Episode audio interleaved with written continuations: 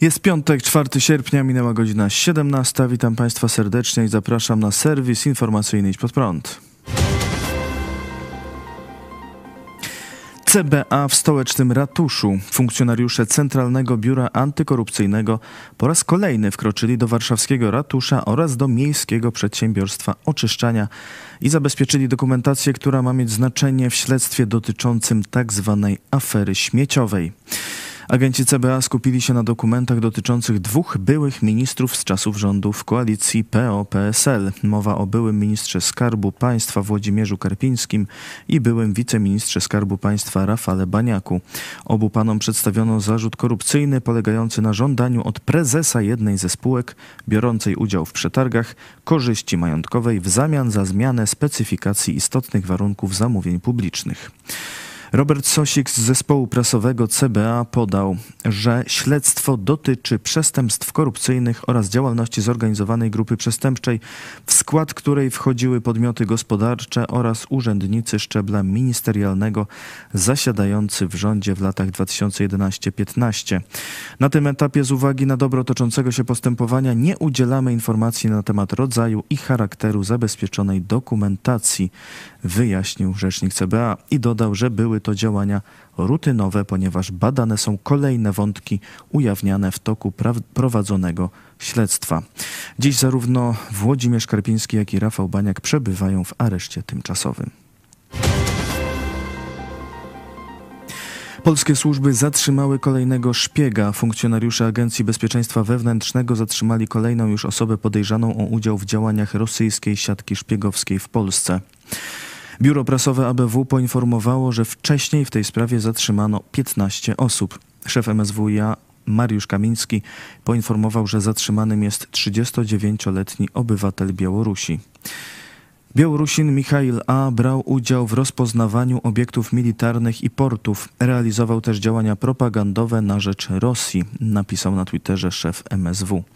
Z ustaleń służb wynika, że mężczyzna w latach 2008-2010 pracował w Moskwie. W Rosji odbył też karę sześciu lat pozbawienia wolności. Według ABW mężczyzna przyjechał do Polski w 2021 roku i nawiązał kontakt z koordynatorem rosyjskiej siatki szpiegowskiej.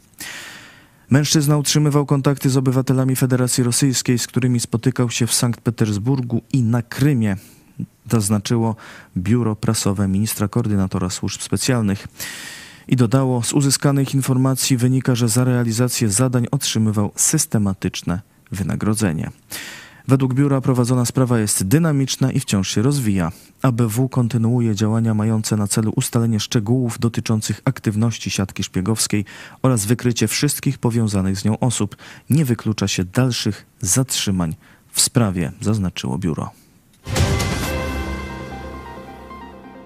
Ukraińcy zaatakowali rosyjski okręt. W nocy z czwartku na piątek ukraińska armia dokonała ataku na port w Noworosyjsku, jedną z dwóch głównych baz rosyjskiej marynarki wojennej nad Morzem Czarnym. Celem ataku był okręt desantowy Oleniegorski Gorniak, cumujący w porcie. Jednostka pływająca zaatakowana została dronem morskim, który na pokładzie miał blisko pół tony materiałów wybuchowych. Okręt trafił do portu trzy tygodnie temu. Był wykorzystywany do transportu towarów między Rosją kontynentalną a okupowanym Krymem. Na zamieszczonych w sieci zdjęciach i filmach widać holowany przez mniejszą jednostkę przechylony i częściowo zatopiony duży okręt. Rosyjski okręt wojenny Oleniegorski Gorniak ma poważne uszkodzenia i obecnie nie jest w stanie wykonywać misji bojowych, poinformowała agencja Reutera, powołując się na źródło w kręgach wojskowych Ukrainy. Rosjanie oficjalnie zaprzeczają tym informacjom. W urzędowych komunikatach twierdzą, że ukraiński atak został odparty i że nie było ofiar ani zniszczeń. Po tym jak kilka ukraińskich dronów doleciało do Moskwy, Kreml zabronił mediom rosyjskim podawania informacji bez przeprowadzenia z władzami odpowiednich konsultacji. Media rządowe jedynie przedrukowały komunikat resortu obrony w tej sprawie. A na rosyjskich kanałach w aplikacji Telegram wrze użytkownicy kpią z kompromitacji Ministerstwa Obrony Narodowej Rosji. Nowy atak pokazuje, że Ukraina może uderzyć w cele znajdujące się w dużej odległości od ukraińskich portów. Odległość od Noworosyjska do kontrolowanego przez Ukrainę wybrzeża Morza Czarnego przekracza 500 kilometrów, napisał kanał Agentstwo Nowosti. Kanał informuje również, że tej samej nocy ukraińskie drony zaatakowały również skład ropy naftowej w Teodozji na okupowanym przez Rosjan Krymie. Szefowa Centrum Prasowego Sił Obronnych Południowej Ukrainy Natalia Humeniuk skomentowała na antenie Radia Liberty informacje o atakach. Wszyscy wiedzą, że w Teodozji znajduje się potężny magazyn ropy naftowej, w którym mogą być przechowywane bardzo duże rezerwy paliwa właśnie dla floty czarnomorskiej. Jest oczywiste, że wróg będzie bronić tego kierunku, powiedziała Humeniuk. Służba Bezpieczeństwa Ukrainy i marynarka wojenna Ukrainy przyznały się do ataku. Donald Trump oskarżony w kolejnej już trzeciej sprawie karnej. Tym razem chodzi o wybory prezydenckie z 2020 roku, w których były amerykański prezydent przegrał z obecnym prezydentem Joe Bidenem, ale nie uznał tego wyniku i próbował nie dopuścić do przekazania władzy. Wczoraj Donald Trump usłyszał cztery zarzuty federalne. Oskarżono go o spisek mający na celu oszukanie Stanów Zjednoczonych, zmowę w celu zakłócenia oficjalnych procedur, próby ingerencji w toczące się postępowania i spisek przeciwko prawu do głosowania. Były prezydent nie przyznał się do winy. Sprawę określił jako prześladowanie przeciwnika politycznego. To prześladowanie osoby, która zdecydowanie prowadzi w sondażach wśród republikanów i zdecydowanie prowadzi z Joe Bidenem. Nie mogą mnie pokonać, więc mnie prześladują, stwierdził Donald Trump. Były prezydent nie został zatrzymany. Pierwsze przesłuchanie w tej sprawie ma odbyć się 28 sierpnia. Aleksiej Nawalny, rosyjski opozycjonista, został w piątek skazany przez moskiewski sąd na 19 lat kolonii karnej o zaostrzonym rygorze. Informację o wyroku przekazała dziś rzeczniczka Nawalnego Kira Jarmusz. Nawalny został oskarżony m.in. o organizację grupy ekstremistycznej, nawoływanie do ekstremizmu, rehabilitację nazizmu i utworzenie organizacji, która narusza prawa obywateli. To kolejny wyrok na Nawalnego. W 2013 roku został skazany na 5 lat więzienia w zawieszeniu. Karę odwieszono w 2021 roku.